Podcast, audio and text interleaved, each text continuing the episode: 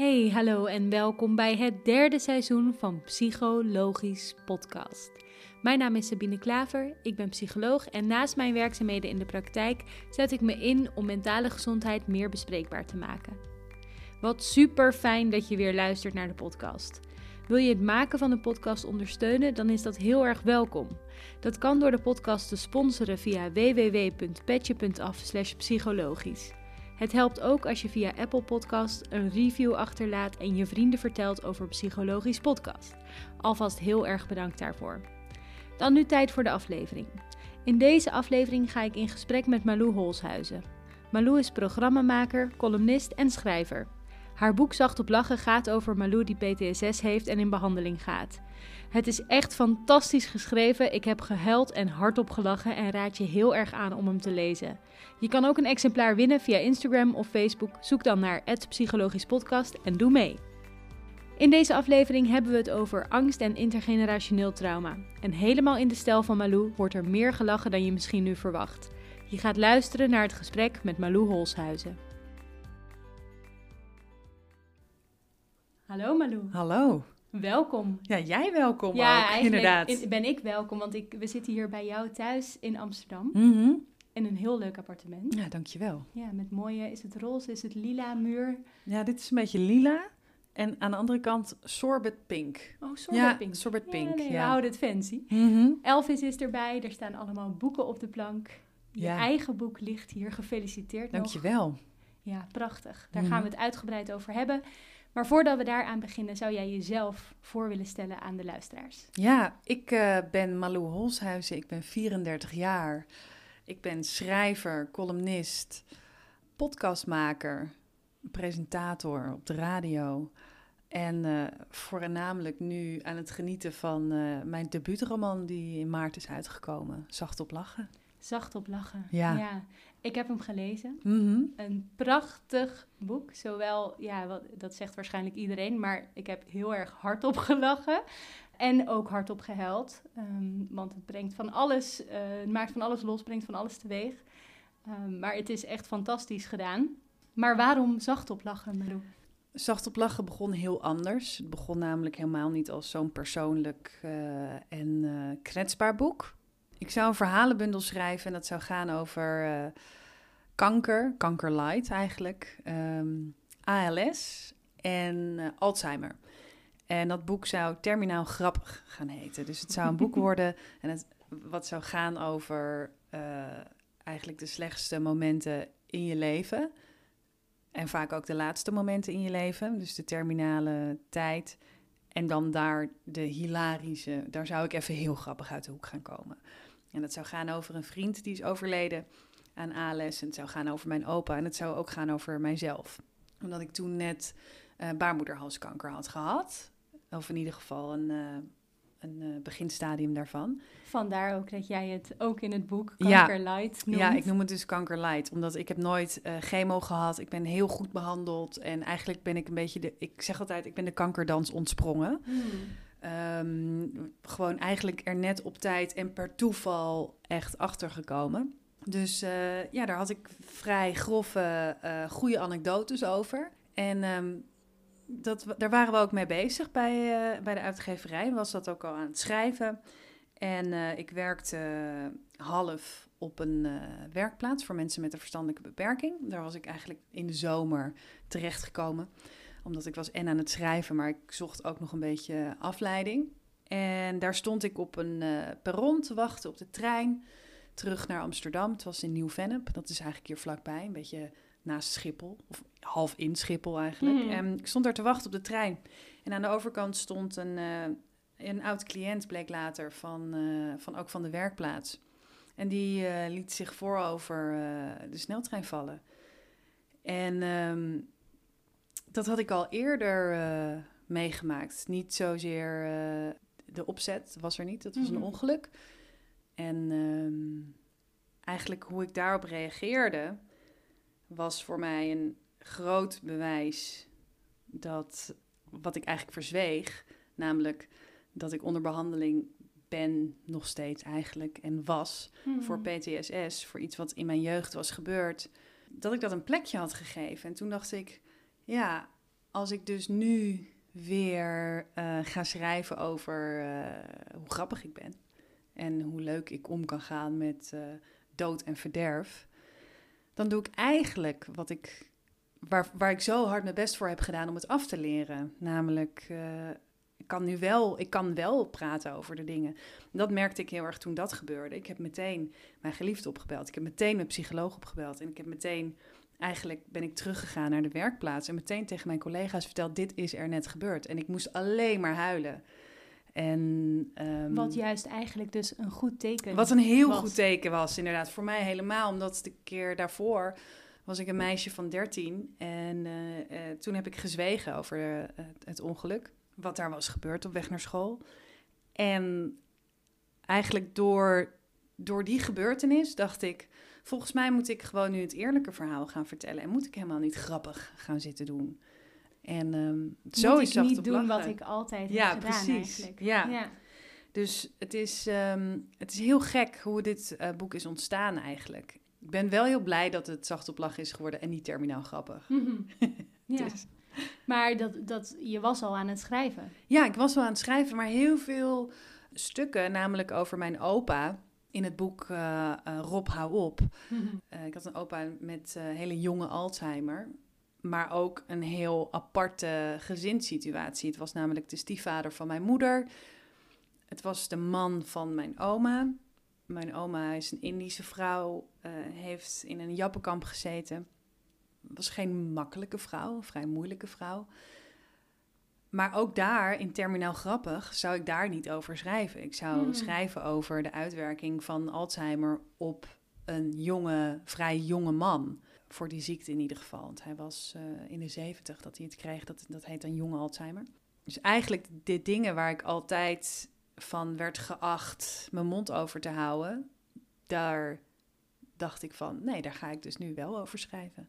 Ja, maar dat lijkt me een heel belangrijke ommekeer voor jou. En ook niet een makkelijke, maar het voelt wel alsof dat in één keer heel duidelijk was. Ja, nou, ik heb er toen wel voor gekozen om er een roman van te maken. Dus om personages toch dusdanig te veranderen, zodat mensen, familieleden zich er niet in zouden herkennen. Um, het is een boek geschreven ook, het gaat over mijn jeugd, maar daarbij is het wel een herinnering van een zesjarige verteld door een 32-jarige. Dus ik weet nooit of zo'n herinnering, of dat de waarheid is of niet. Dus, dus toen het voor mij een roman werd, werd het ook werd het een kunstvorm. En dan krijg ik er ook heel veel plezier in om het te schrijven. Maakt het ook dat je vrijer kon schrijven? Absoluut, ja, ja. zeker. zeker. Ja. Terwijl eigenlijk alles wel in het boek is hoe ik het me herinner. Maar of ik het nou als kind me mooier heb gemaakt of uh, dramatischer heb gemaakt Hmm. of zo, dat, uh, dat weet ik niet. Nee, ja, en wat je zegt, er zijn natuurlijk ook anderen bij betrokken. Ja, zeker. Dus dat, ja, absoluut. dat maakt ook dat het lastiger is om, om helemaal te zeggen: hé, hey, dit is mijn, mijn Mhm. non-fictie, eh, biografisch eh, verhaal bijna. Ja. ja, en Ehm, ook als je kijkt wat er, wat er vroeger is gebeurd, weg naar school, dat, dat is een, echt een vreselijk ongeluk geweest. En dat is niet alleen mijn verhaal. Dat is echt het verhaal van. Het, is echt een, een, trauma van. Nou, ik wil bijna zeggen een heel dorp, maar in ieder geval van een hele school, een hele klas, een hele familie, een hele. Um, en daar wil ik niet aan zitten. Dus dat is ook iets wat ik niet heb uh, gebruikt in mijn boek. Ik heb de gebeurtenis wel gebruikt en de uitwerking die het op mij heeft gehad, maar niet ik heb het niet over die persoon Mhm. uh, uh, in het boek. Het gaat wel over iemand anders die ik ben kwijtgeraakt. Dus Ja. die, dat, dat is dan heel erg gecombineerd. Het zit Um, een beetje door elkaar verweven ja. eigenlijk. En Ja. dat, uh, dat is ook wel heel fijn. Het geeft je een enorme vrijheid om daarover te schrijven. En het geeft mij ook... Het gaf mij heel veel zelfvertrouwen om dit aan te kunnen gaan zonder ervan in paniek te raken of... Um, ja, het gaf me eigenlijk een geluksgevoel. Nou, ook tijdens het schrijven? Want nou, wat je vaak hoort is dat, dat, dat schrijven leuker is als het boek uh, af is. Ja, ik vond... Um, en ik, ik vind het een beetje raar dat ik dat zeg, omdat ik het vaak, als ik schrijvers dat hoor zeggen, denk, ach, stel je niet zo aan, doe eens normaal, weet je wel. Het is gewoon echt een vreselijke bevalling en het is helemaal niet leuk en het is heel onzeker en het is, je twijfelt aan alles. Maar dat had ik juist bij het schrijven niet, dat ik dacht, het ging eigenlijk een beetje vanzelf. Dat vind ik echt altijd zo kut om te horen als mensen dat zeggen. ja. Het is ook, dat Ja. zijn dezelfde mensen die zeggen... nee, ja, maar ik, ik, in het begin vond ik sporten heel stom... maar nu ben ik eraan verslaafd. Denk nu ik, ja, ik ja, heerlijk dag. elke dag een uur hardlopen. Ja, hou, ja, hou je bek, denk ik dan. Maar dat, dat is dus wel met, met zacht op lachen dat ik... Ja, het is gewoon alsof je iets zo bij de ballen grijpt... en er zoveel macht en controle over hebt... dat het ook een heel fijn gevoel, echt een, een gevoel van... dat ik heel trots op mezelf was. Omdat ik ook nooit had gedacht... ga je dit echt ga je dit op zitten schrijven? Ja. Heel veel mensen vragen ook... ja, dat moet dan wel heel therapeutisch zijn geweest, het boek schrijven. Maar dat was, dat was het niet. Het was al therapeutisch geweest. Dat was het al. daarvoor. Ja. Het was Ja. eigenlijk een bewijs aan mezelf. Kijk dus, nu, je kan er kunst van maken. Dus je bent echt beter. Mhm. ja. Dat was heel fijn. Ja, en dat, dat bij de ballen grijpen, daar is wel het een en ander voor nodig Ja. geweest. Mhm. Ehm, kan jij vertellen, want wat er is gebeurd, even een korte samenvatting, maar ik vind dat mensen vooral gewoon het boek moeten Mhm. lezen, is eh, je hebt eh, als jong kind onder andere een, een heel heftig ongeluk meegemaakt. Volgens mij een paar belangrijke anderen verloren. Nou, Ja. dat alles is een beetje verweven in het verhaal van jonge eh, Malou. Ja, Toen heb jij daar jaren eigenlijk niks mee gedaan. Mag ik dat zo zeggen? niet Ja, over hoor. gesproken, niet, niet hulp bij gehad. Ehm, ja, nee, er werd op school gevraagd... eh Malou, was jij daarbij? En ik heb gezegd nee. Want als je erbij was, dan moest je met dat groepje mee van mensen die erbij waren. En dan moest je erover gaan praten. ja. En eh, toen ik thuis kwam en mijn moeder vroeg, was jij erbij? Zei ik nee, was daar niet bij. Nee.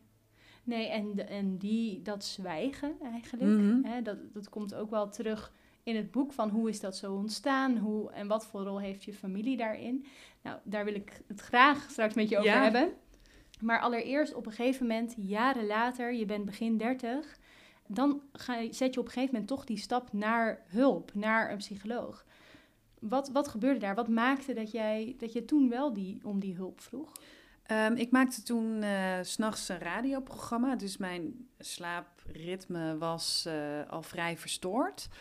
Maar ik merkte dat ik steeds meer moeite kreeg met in slaap komen. Wat dus eigenlijk betekende dat ik twee dagen in de week, twee dagen dus niet sliep. En dan daarna zo moe was dat ik, eh, ja, dat ik, ik kreeg in het begin heel erg last van nachtmerries. En dat, dat linkte ik heel erg aan, oh, maar ik ben heel moe en ik heb zo'n raar slaapritme.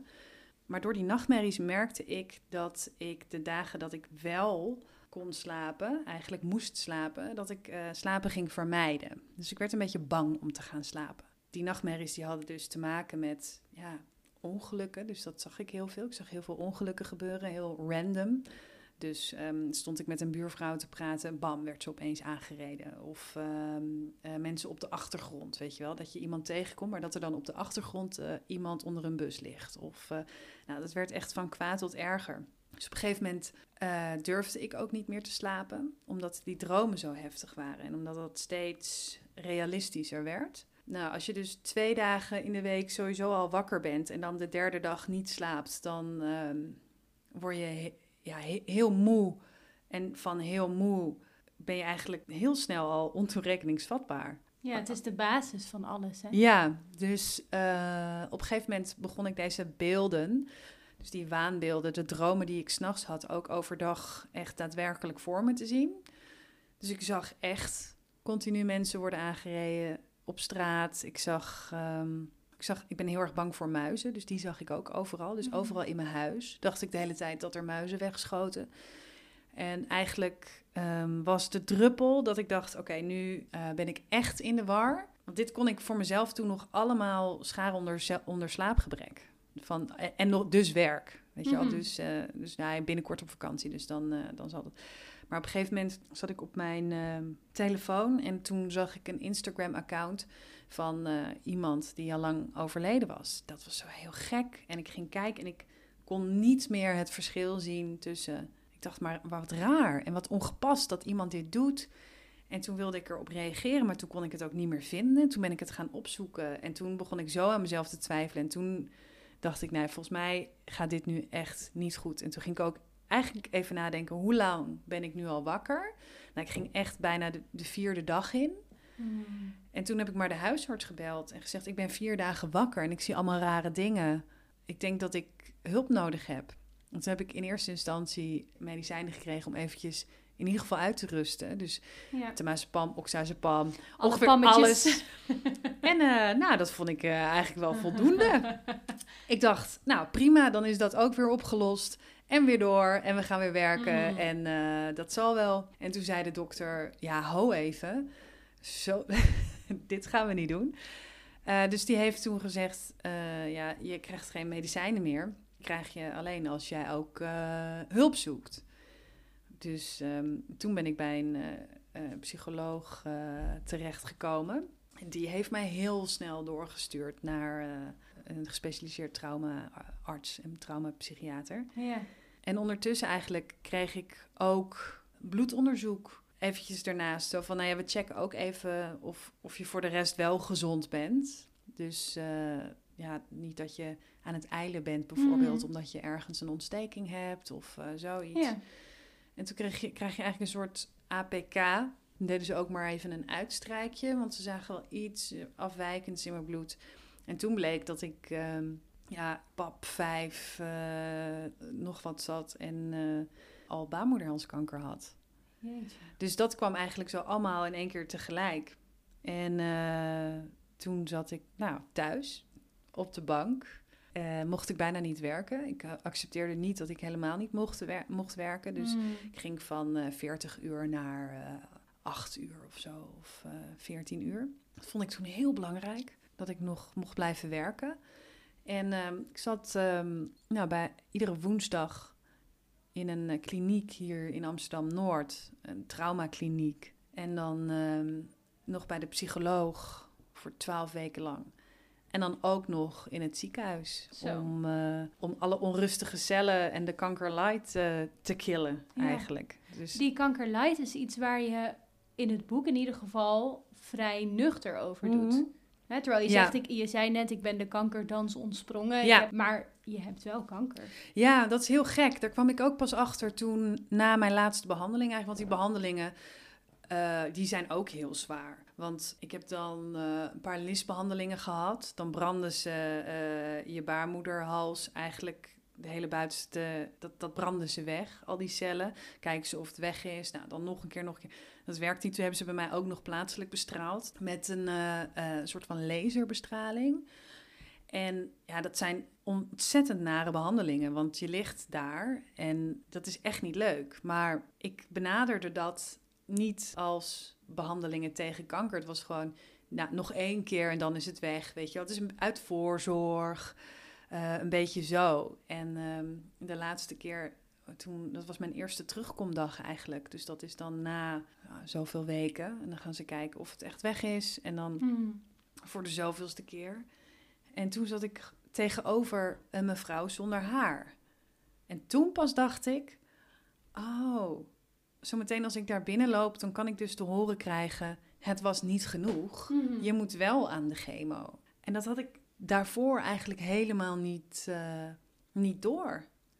Dat dat zo, ook omdat ik je komt op een gegeven moment op een leeftijd dat iedereen zijn uitstrijkje haalt. En iedereen heeft, weet je, er hebben zoveel vrouwen hebben eh, HPV. En er wordt, nou, niet tot nauwelijks over gesproken. Maar totdat je erover wel zegt van, ja, ik heb dat dan, dan lees je opeens, oh, ik heb het ook, ik heb het ook, ik heb het ook. Dus ik vond ook weer niet dat ik een ontzettende uitzondering was. Maar dat was natuurlijk wel zo, want vaak lost het zichzelf op. Ja. Of vaak wordt het in de gaten gehouden. Maar dit was wel, ja, vrij ernstig. Dit was serieus. Ja, dit was, eh, ja, zeker. Ja.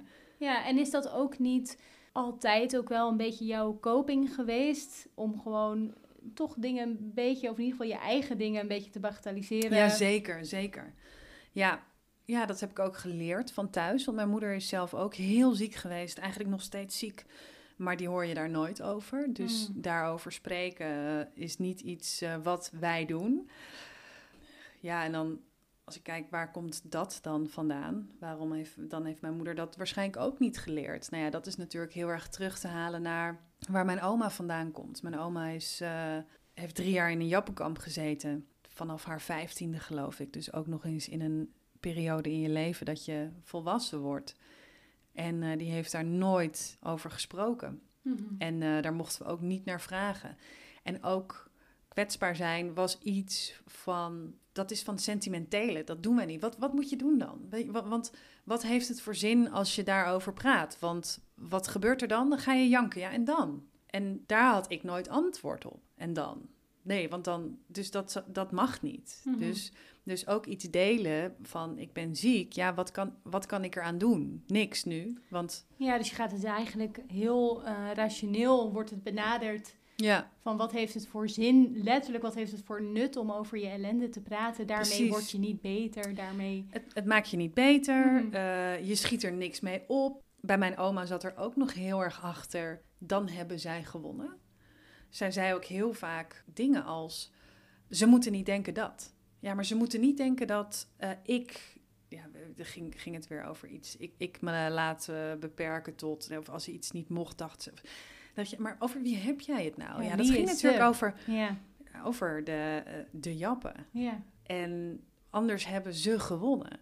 Dus het, het toegeven aan je kwetsbaarheid, de pijn die je hebt gehad het erkennen van ik ben beschadigd stond gelijk aan het erkennen of het, het je gewonnen geven. Ja, dus het, het zwijgen voor haar was ook nog een soort daad van verzet. Ik denk het wel. En ook uh, sowieso de Indische gemeenschap waar ik uitkom, want ik weet helemaal niet hoe dat bij andere mensen zit. Al als ik andere boeken lees die hierover gaan, is het wel een uh, gedeeld thema. Het is ook een cultuur waarbij je niet snel over jezelf praat en het andere mensen heel gemakkelijk wil maken. Want het is namelijk niet zo dat, dat er geen ruimte voor was bij mij.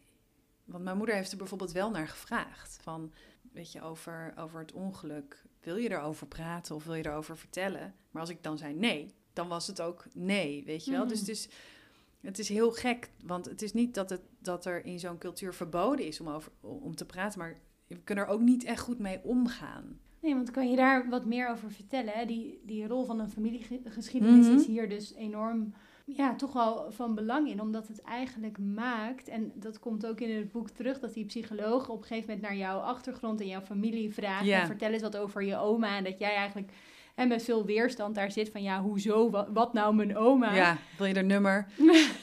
ja.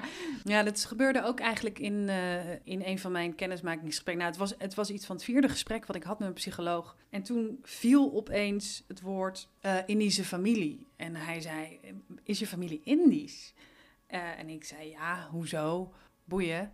En dat hij zei, ja, maar dat is heel belangrijk om te weten. En ook dat moet je, had je meteen moeten vertellen. Dat ik dacht, uh, oké, maar hoezo dan? Ja, dat, hij zei, er valt nu zoveel op zijn plek van wat jij doet. En wat, wat hij op een gegeven moment heeft gedaan, is, ik uh, wilde namelijk niet over mezelf praten. Dus ik wist wel, ik heb hulp nodig, ik moet naar een psycholoog.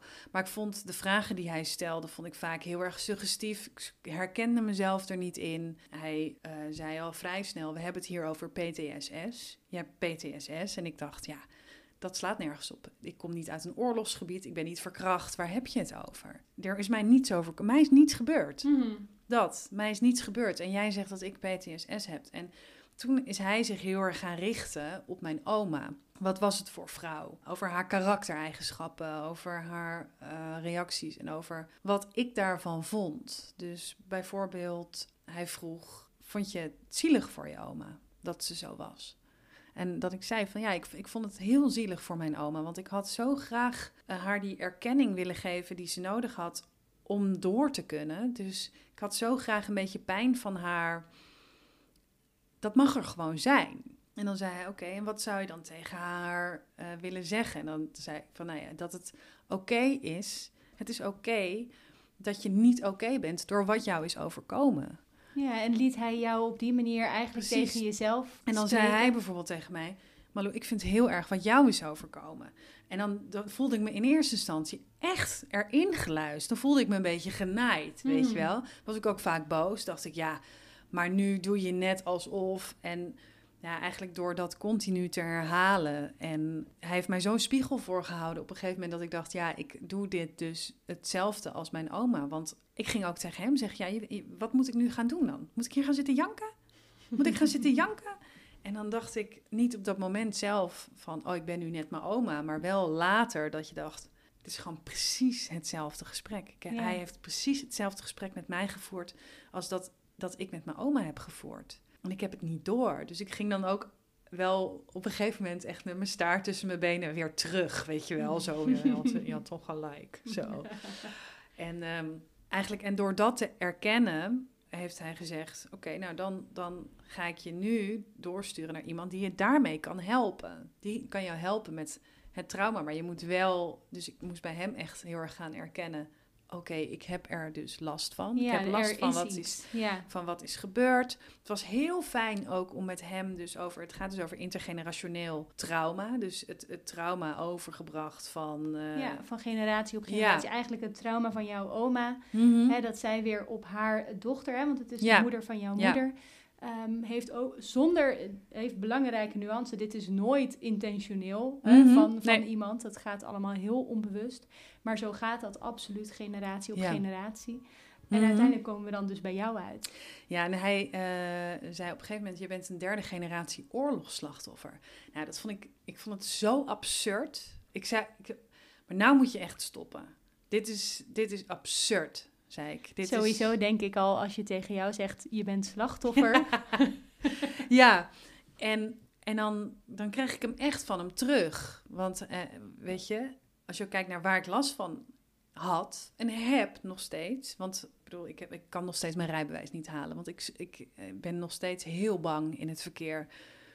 Eh, het is er door die therapie wel veel minder op geworden. En de, herstellingsva de her- tijd om te herstellen is, is eh, heel snel. Dus ik schrik ergens heel erg van. En dan denk ik, oh ja, oké, nou dit hoort bij me. En dan Mhm. eh, geef je het heel snel een plekje, weet je wel. Maar ja, dus dat de, eh, de oorzaak helemaal niet hetzelfde hoeft te zijn in overdraagbaar trauma. Mhm. Ik ja, dus dat- ja, dat hij zei, je bent Ja. een oorlogsslachtoffer. Mhm. En dat jij dacht, no fucking way. Ja, dat kan toch helemaal niet? Nee. Want, hoe, want ik weet ook helemaal omdat we er nooit iets van mochten weten. Dus hoe kan ik nou slachtoffer zijn van iets wat ik nooit mocht weten? Mhm. En dat is eigenlijk ook weer meteen het antwoord op de vraag. Je bent slachtoffer ergens van, want je mocht er nooit iets van weten. Maar je hebt wel altijd die pijn Ja. gevoeld.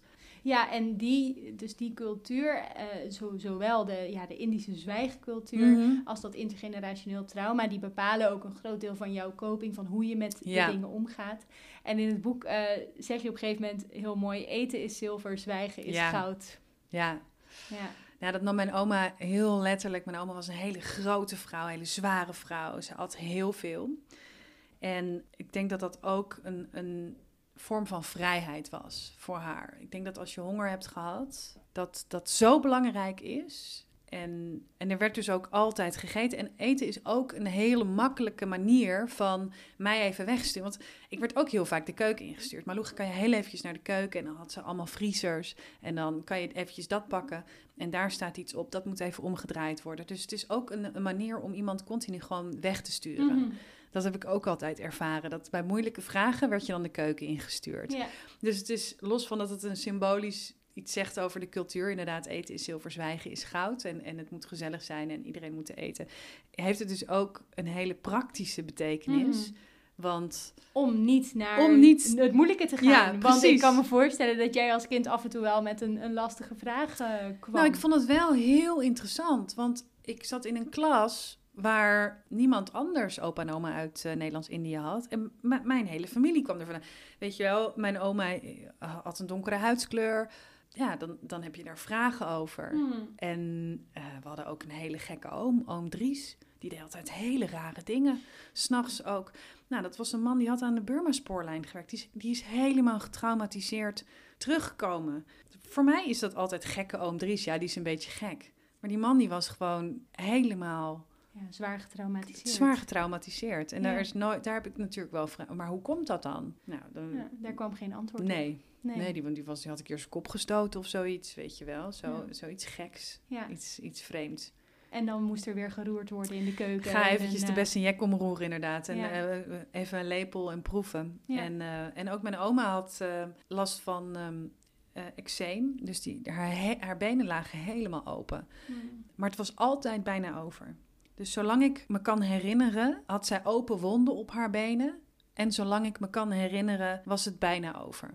En ze ging er ook nooit mee naar het ziekenhuis. Maar er kwam wel een Chinese kruidendokter. En dan zei ze, "Kijk, nee, maar het helpt echt heel goed. Kijk maar, het ziet er al veel beter uit.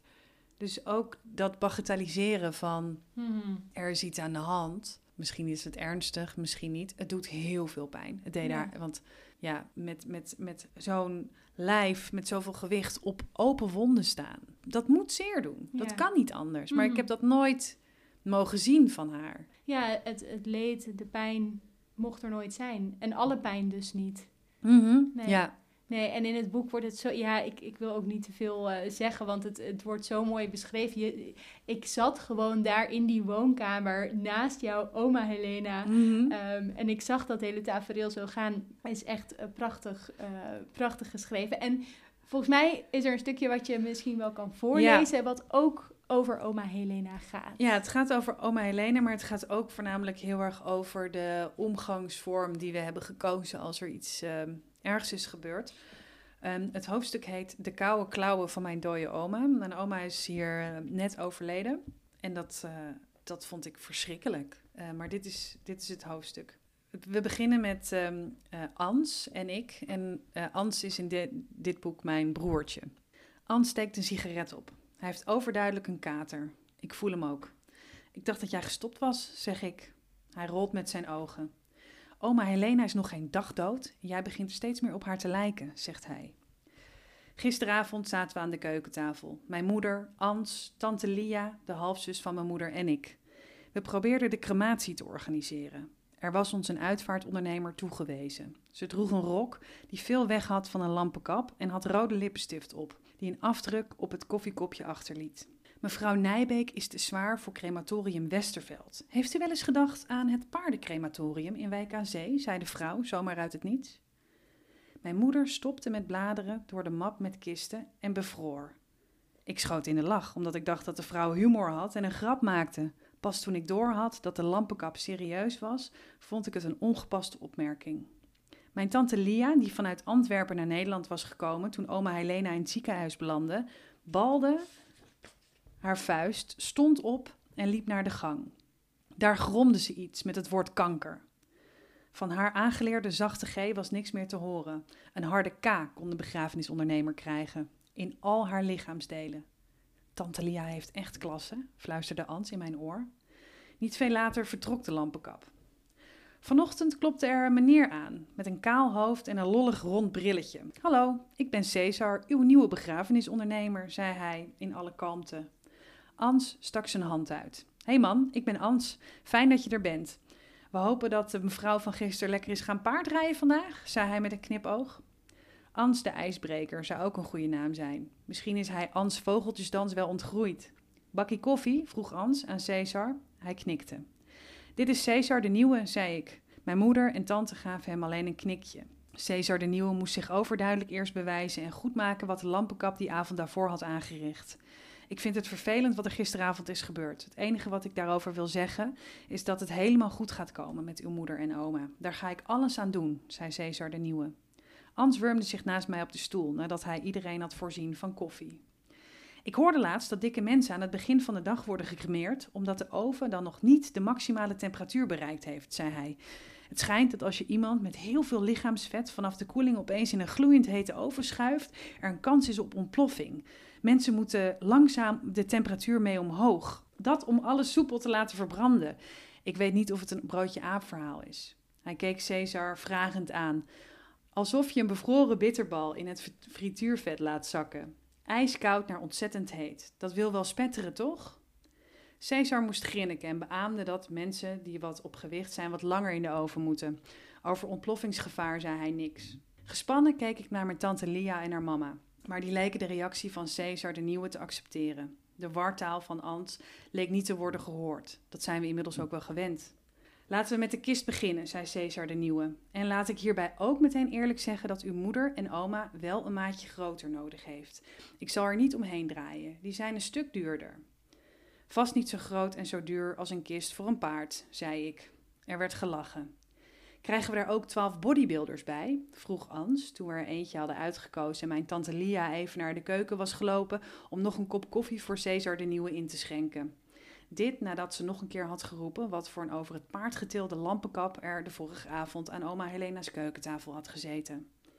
De kist die we kozen was 500 euro. Ans vroeg of de binnenkant van de kist misschien was bedekt met het geweven gouddraad. En of oma Helena op een kussentje van elkaar genaaide briefjes van 50 euro kwam te liggen. Wat een geld voor een grote houten doos die toch in de fik gaat, zei hij. Ans drukt zijn peuk uit op de grond en steekt meteen weer een nieuwe aan. We wachten op oma Helena in haar kist. Cesar de Nieuwe, Ans en ik staan voor de oprijlaan bij de afscheidskamer. Het is een afscheidskamer naast het ziekenhuis. Van buiten ziet het er een beetje klinisch uit. Hier wil je toch niet doodgevonden worden, merkt Ans op. Dat is geloof ik wel de bedoeling, zegt Cesar de Nieuwe. We lachen hardop. Ik iets harder dan Ans. Tot hier maar, hè? het is zoveel. Ja, en uh, voor de rest moet er gewoon ja. verder gelezen worden. Mensen moeten het boek ook nog kopen, hè, Malou? inderdaad, inderdaad. Ja, dit illustreerde, ik moest me echt inhouden om weer te lachen, terwijl ik het dus al gelezen heb. Mm maar toch, um, hoe jullie ook wel als familie met dingen omgaan. Het is niet alleen jij die dat op die manier aanpakt, maar alles in, ieder geval, in ieder geval ook. Mm ja. Klopt, ja. ja nee, mijn broertjes, ik heb dus twee broertjes.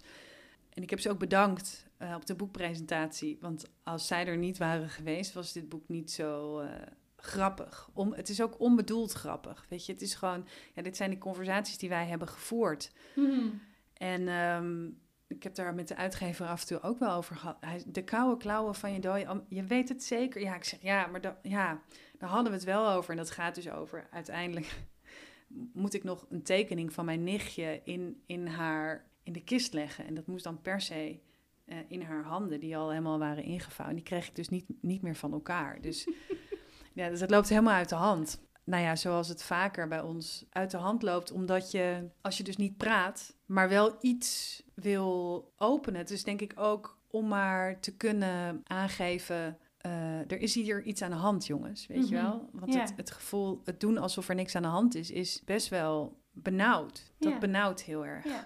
En in benauwende situaties ja. gaan mensen grappen maken. Ja, zeker. Ja, en we hebben het met oma ook wel eens geprobeerd hoor. Want kijk, zij was een hele. Ze kon heel erg oordelen over dingen die wij deden. En dat had ook weer allemaal te maken met uh, wat zij had meegemaakt. Dus op een gegeven moment ging mijn broertje, kwam heel trots vertellen dat hij naar Indonesië op vakantie ging. En dan snauwden ze hem af. Hoe ze, en jullie gaan maar op vakantie. En uh, waar is dat voor nodig? En toen ik zo oud was als jullie, ging ik toch ook niet op vakantie. Toen had mijn broertje tegen haar gezegd van... Nou, oma, dat is niet helemaal waar, hè? Want jij bent drie jaar op kamp geweest en dat was hartstikke lekker weer. dit ook is zo... Ja, maar dit is... Om... Ik, deze grap, die, daar moest ik net ook aan denken. Die is keihard. Ja. En volgens mij viel er ook even een ijzige stilte. Mhm, ja. Uh, maar dit is natuurlijk wel wat er gebeurt op het moment dat je die beladenheid voelt. Ja. En dan misschien dat Ans iets te snel, zonder heel, daar heel bewust over na te denken, uh, dat eruit gooit. Ja, maar we hebben ook wel eens tegen haar gezegd hoor, met je, met je platte kampvoetjes. Weet je wel, ja, dan, dan, mm. moest ze heel, dan moest ze echt heel hard lachen. Ja. Maar dat was voor ons ook, ja, wij zochten ook maar naar openingen om, uh, ook helemaal toen ze ouder werd. Weet je wel, dachten we, oké, maar je bent nu zo oud, misschien wil je er nu wel over praten. Misschien wil je iets kwijt erover, misschien kunnen we iets voor je doen. En is dat nooit gebeurd? Nee, het is nooit echt, uh, echt gebeurd, nee. Nee, ze heeft wel een keer gezegd, het ging dan over haar zus. Het was, ook heel, was eigenlijk heel gemeen dat ze zei: als je moest plassen in het kamp, dan moest het in het, in het veld of zo. En, en dan moest er een jap mee. Nou, ik deed dat niet hoor. Uh, maar Mia, mijn, uh, haar zus, Mia deed dat wel. Mia die, die, die nam gewoon een jap mee. Weet je wel zo. Dat, zulke dingen hmm. hebben we wel eens gehoord. En uh, mijn moeder heeft wel eens van haar oma gehoord, dus de moeder van mijn oma, dat zij er niet over kan praten, omdat wat zij daar heeft gedaan om in leven te blijven, daar lusten de honden geen brood van. Dus daar hmm. schaamden ze zich ook heel erg voor. Dus dat is er wel, en dat was al heel wat. Maar wat ik ook, wat ik echt heel treurig vond, is, kijk, mijn, mijn oma, haar vader, mijn oma was echt een vaderskindje. En haar vader is nooit meer teruggekomen. Dus die is. Uh, die moest ook uh, ergens een kamp in en werken daarna. Die ze daar verloren. Uh, maar daar heeft zij dus ook nooit verdrietig om mogen zijn. Mm -hmm. Dus, want er was ook wel een soort van. Ja, die, het was maar een kerel, hè? Het was gewoon een kerel. Dus mm -hmm. we zijn, ze zijn teruggegaan naar Nederland. En mijn oma die is gaan werken. En uh, die kerels hebben we niet nodig. Want als je dat weer toegeeft, dan hebben zij gewonnen. Dus, Ja. Maar dat verdriet van het verliezen van iemand, verliezen van je vader, want die is vermoord in de oorlog, dat is heel erg. En dat, nou, daar, daar kon, je ook nooit, kon je ook nooit naar vragen. Dus ook niet, wat was dat voor iemand? Wat, wie was je vader? Of, eh, nee. Nee. Nee, en alle moeilijke dingen, dus eh, de, rouw, hè, de rouw, het verdriet, maar de schaamte ook. Hè, dat, Mhm. dat mocht er dus allemaal niet zijn. Nee.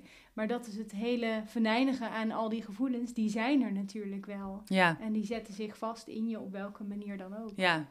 Ja. Ja, dat is heel, wat ik ook heel erg zei tijdens mijn therapie. Dat had ze het maar, had ze maar één keer er iets over eh, kunnen zeggen. Of eh, dat Ja. dat zoveel, ehm, had zoveel gescheeld. Ja, en ik ging er ook wel eens expres een beetje kwaad maken. Omdat ik dan hoopte dat ze... het ze er allemaal iets- uit zou Ja, komen. inderdaad. Weet je Ja. wel. Maar het, is, ja, het was heel... Helemaal met eten, toen ze wat minder mobiel werd... Ja, lagen er beschimmelde botjes of zo in de koelkast. En dat gooide ik dan weg. En dan... Ik wist dan ook wel dat ik haar heel veel pijn deed. Weet je, daar raakte ik haar echt mee. En dat deed ik dan soms misschien ook wel een beetje expres. Omdat ik dacht, ja, vertel me maar waarom je dan zo boos Mhm. bent. Maar Ja. dan had ze er nog soep van kunnen trekken. Zei, oh, daarom ben je boos. Ja, nou, en dan zei ze, trut. Je bent gewoon trut, zei ze. Ja, dat. Ja. Dus ja, dat is, dat is nooit gelukt. En ehm, ja, dat is, dat is heel wrang. Ik had het haar wel heel erg gegund. Ook omdat ik bij mijzelf is dus, als ik het had geweten, dat dit eigenlijk zo goed... Vanaf het moment dat ik hulp ben gaan zoeken, is het beter met mij gegaan. Mhm. Je gaat er wel, je moet er wel doorheen en je moet het wel aangaan. Maar ja, de angst om, om eraan toe te geven was groter dan, ehm, dan het uiteindelijke proces om het. eh, Ik denk Ja. ook dat de wachtkamer altijd het engste. De, de, de wachtkamer is de engste plek, ook in het ziekenhuis. Want je weet niet wat er gaat gebeuren. niet weten, ja. Ja, Ja, en dat is wat ontzettend veel mensen tegenhoudt die op de een of andere manier moeite hebben met Mhm. dingen. Of dat nou met een, een oorlogstrauma te maken Ja. heeft, met een ander trauma, met, met, met van alles, is de, wat je nu weet, de pijn die je nu hebt, die is in ieder geval bekend. Mhm. Je ja. weet wat je hebt. Je Ja. weet welke verschrikkelijke herinneringen je hebt. Je, je weet hoe moeilijk dat op dagelijkse basis is. Maar daar doorheen gaan moeten, eh, je weet niet wat er dan gebeurt. Mhm. En die ja, enorme golf of tsunami eigenlijk aan, aan dingen die dat op kan roepen, die is voor mensen heel vaak heel onoverkomelijk. Ja. Waardoor ze blijven zitten. Mhm. En dat is wel, jij hebt dat nu eigenlijk doorbroken. Ja. Door wel die hulp te gaan zoeken. Ja. En je kon ook geen kant op. Ik bedoel, laten we Nee, eerlijk en zijn. ik dacht ook, ik heb mezelf ook nog heel lang wijs gemaakt dat het was, zodat ik weer, om een soort van startbewijs weer te krijgen, dat ik weer aan het werk mocht. Dat vond ik Hmm. opeens zo heel belangrijk. Dus ik deed alsof ik het deed voor iemand anders, dus voor mijn werkgever. Want dan weet hij in ieder geval, weet je wel, die, Mhm. die wil een briefje dat het weer goed gaat. Terwijl, ja, eh, je doet natuurlijk alles voor jezelf. Maar ja, ik vond het heel moeilijk om te accepteren dat dit dus over mijzelf ging. Ja, uiteindelijk is dat wel gebeurd. Ja, zeker. Ehm, daar gaat het in het boek ook over. Mhm. Zullen wij een van de, want je hebt EMDR gehad. Ja. Eh, dat heeft voor jou heel veel gedaan. Ja. Ja. EMDR, gaan we hem uitspreken, staat voor Eye Movement Desensitization and Reprocessing. Ja. Als het goed is, eh, heb ik hem nu goed. Ik moet daar ook nog vaak over, eh, toch wel wat langer over doen, ondanks eh, hè, dat ik in dit werkveld zit. Het is een, een therapievorm. Misschien dat de meeste luisteraars het wel kennen, maar het is nog steeds best wel onbegrepen, ook door psychologen, hoe dat nou precies gaat. Wat het idee is, is dat je hele nare beelden uit je lange termijn geheugen oproept. Die komen dan in het werkgeheugen met hun enorme lading die ze hebben. Ehm, en dan word je afgeleid, ofwel door middel van oogbewegingen, eh, het kan, kunnen vingerbewegingen zijn. Er wordt ook vaak een lamp gebruikt tegenwoordig. Ehm, en dan wordt je werkgeheugen eigenlijk zo overbelast dat de lading van die herinneringen of van die beelden afgaat. Het is nog steeds heel vaag, Mhm. en het is, eh, maar het, ja, het werkt. Ja. Het werkt heel vaak heel goed. Gaan we meteen eh, beginnen Ja. lezen?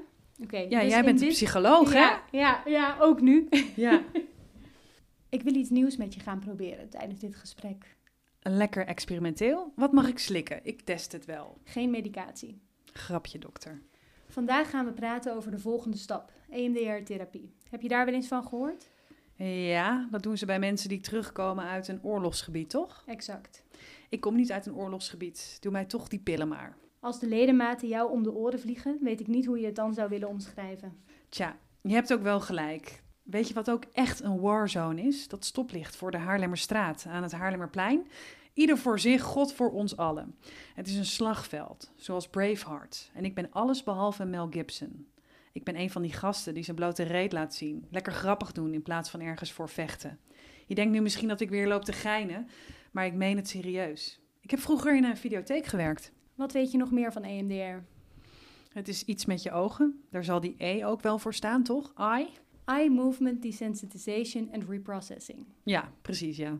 Het is een behandelmethode die met name toegepast wordt bij mensen met een posttraumatische stressstoornis. Ja, ik dus, volgens jou. Jij dus. Ja, en jij bent de expert. En jij bent cynisch. Wil je er meer over horen? Ja, natuurlijk. Kijk, ik kom hier niet voor niks, hè. Ik weet waar ik het vandaag over ga hebben. Ik ben er. EMDR, vertel. Iets met mijn ogen. Ga je me hypnotiseren of word ik doorgestuurd naar een groepskots-evenement? Ik weet dat ik hier niet naar moet vragen, maar je maakt me te nieuwsgierig. Ja, van die juppen die in plaats van een midweek Ibiza de Amazone induiken en thee drinken, waardoor ze over hun nek gaan en daarna opnieuw geboren worden. Die komen altijd terug alsof ze de wereld nu helemaal begrijpen, omdat ze zichzelf vanaf een afstand uit hun moeders vagina hebben zien kruipen. Ayahuasca? Ja, dat. Dat is ongeveer het slechtste wat jij nu zou kunnen doen. Als jij met een trauma zonder begeleiding in de jungle of op de Utrechtse heuvelrug gaat zitten en daar even alle wonden opengooit, weet ik niet hoe je eruit komt. Dat kan helemaal verkeerd gaan. Ja, je hoort er fantastische verhalen over, maar dat komt doordat de mensen die er bad uitkomen niet meer in staat zijn een volzin uit te spreken zonder paniekaanval. Ik behandel mensen op wie ayahuasca een andere uitwerking had dan wat je op het internet leest. Sommigen worden nooit meer de oude. Beloof me alsjeblieft dat je hier niet aan begint. Hm, het klonk zo simpel. Kapot op vakantie gaan en gerepareerd thuiskomen. Bijgebruikt en wel. Zei je nou bad? Niet doen hoor, hoor je me? Ja, dat zei ik. Hoezo? Gewoon, geinig. Geen thee voor jou, dat is heel gevaarlijk.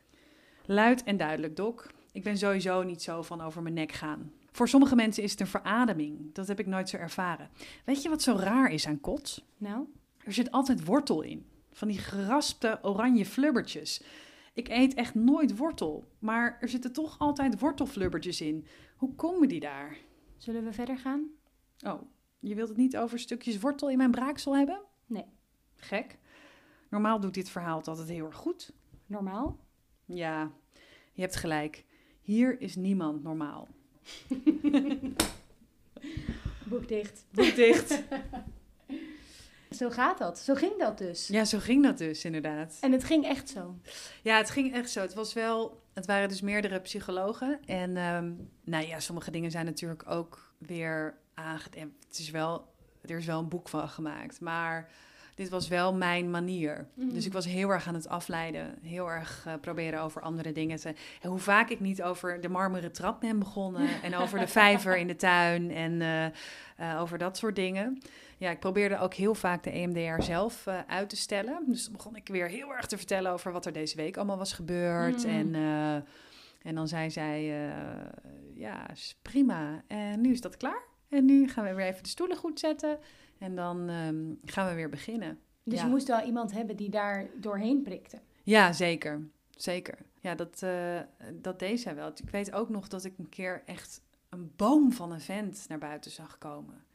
En dat vond ik ook wel heel... Toen dacht ik, oh ja, het heeft geen gezicht, hè. Dit, kan, dit is echt van iedereen. En Dit dat, is echt van iedereen. Ja. En daarom ook dat, dat stuk van zo bijzonder ben je nou ook Mhm. weer niet. ja, Ehm, ik denk, hè, hoe, hoe confronterend het misschien ook kan klinken voor sommige mensen, denk ik dat dat ook belangrijk is. ja. Je, je bent niet zo bijzonder met deze klachten, Mhm. ja. maar je moet er wel wat aan doen. Ja, inderdaad. En ehm, nou ja, dat vond ik ook. Daarom staat het. Denk je nou echt dat je de enige bent die wat, eh, die iets ergs heeft meegemaakt? Ik vind dat we dat sowieso, dat je dat als mens zelf wel vaker mag beseffen dat iedereen heeft eh, dingen meegemaakt. En daar moet je gewoon, daar kan je best wel eens rekenen. Je mag best wel wat liever zijn. Ik ben ook veel liever geworden zelf. Ik was niet echt ehm, een heel leuk mens. Ik had een hele grote bek en ik was eh, best wel een beetje bangig voor eh, iedereen. Dus ik was wel altijd bezig met eh, mezelf heel sterk neerzetten, zodat andere mensen dat mij dan niet konden raken of zo. Was- Ja, dus dat scheelt. ja, Dat is er eigenlijk met de therapie ook nou ja, Zeker. afgegaan. Weet ik niet of ik dat zo mag zeggen, maar in Mhm. ieder geval ja een veel zeker. kleiner schild Ja. geworden. Ja, en dat, dat is denk ik ook waar heel erg waar therapie om gaat. Voel je je nu dan meer jezelf? Ja, veel meer. Ja. Ik heb ook nou, ik heb veel minder last van mezelf. Dat, dat is het eigenlijk. Dus als je helemaal mijn afweermechanisme was dus hele harde grappen maken, maar ook eh, ja, best wel een, har- een, een hard iemand zijn, grote bek hebben, eh, vrij aanwezig, heel eigenlijk heel extravert introvert, want je bent wel continu te horen, maar als iemand jou echt iets vraagt, dan sla je dicht. Mhm. En dat gestrekte been, wat je continu hebt, daar, daar word je echt heel moe van. Dat is echt iets wat, je, wat heel fijn is als dat uiteindelijk gewoon weg is. Ja. Ook voor je omgeving, maar ook voor jezelf. Ja, ik denk, ik denk inderdaad ook vooral voor jezelf. Mhm. Ja. Die omgeving kan daar nog afstand van nemen of die kan zich terugtrekken of Ja, zo. of die maar- kan eh, denken, met jou wil ik geen vrienden zijn. Of Mm. met jou wil ik niet samenwerken. Of van jou word ik doodmoe. Ja, Jij moet het met jezelf precies. ja. doen. Ja, ja.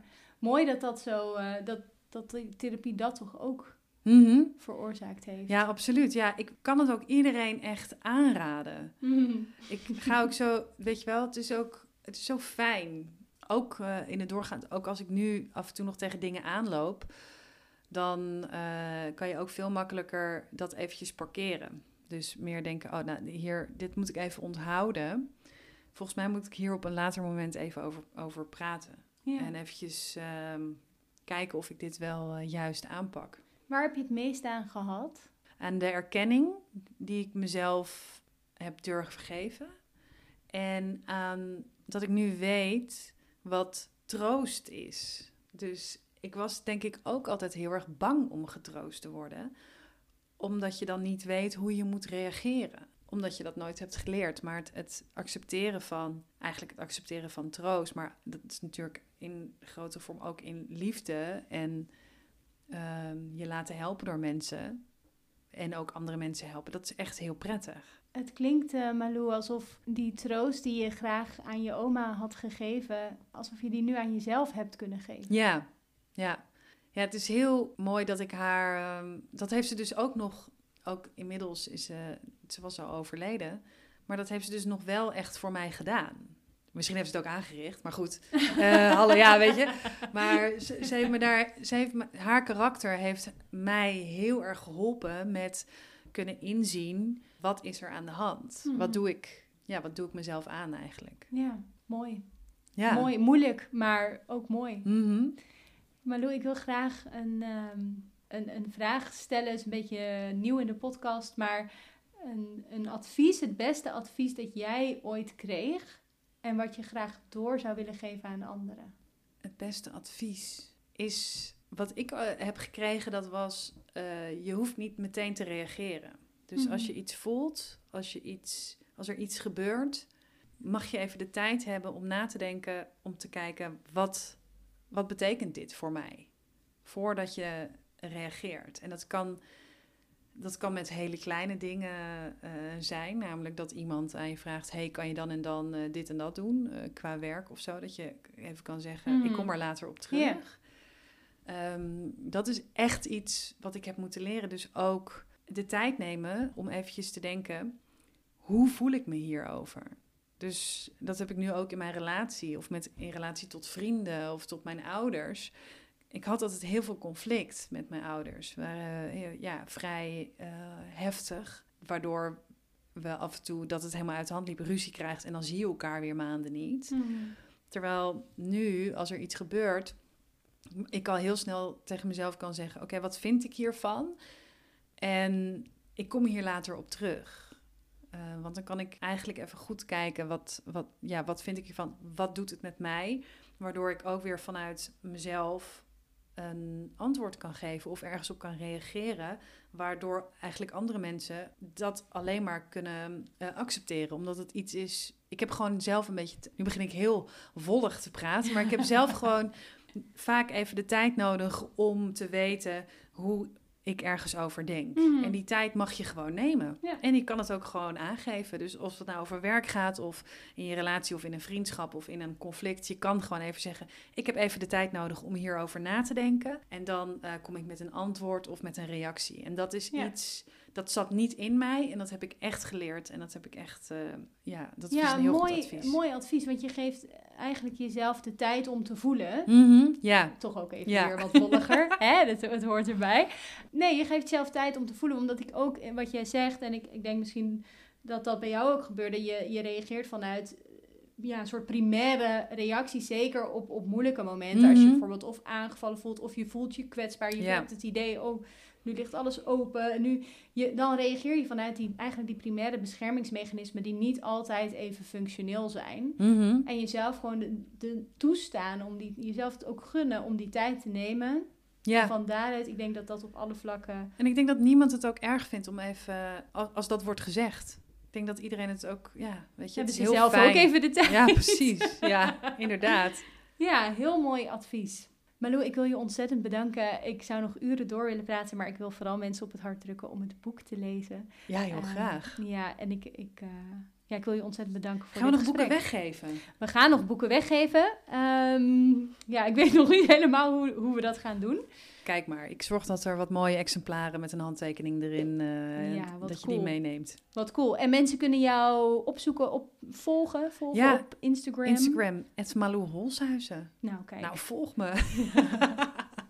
Ja, alleen maar. ehm, er, er komt misschien nog wel een boek. Ja, ik ben alweer bezig aan een tweede roman. Helemaal leuk, ja.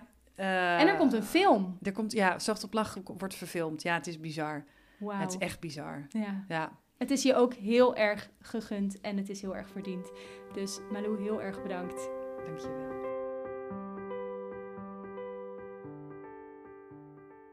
Je hebt geluisterd naar Psychologisch Podcast. Ik hoor graag wat je van de aflevering vond.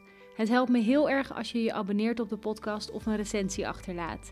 Voor vragen, opmerkingen of andere leuke berichten mag je altijd contact opnemen via mijn website www.sabineklaver.nl of via social media.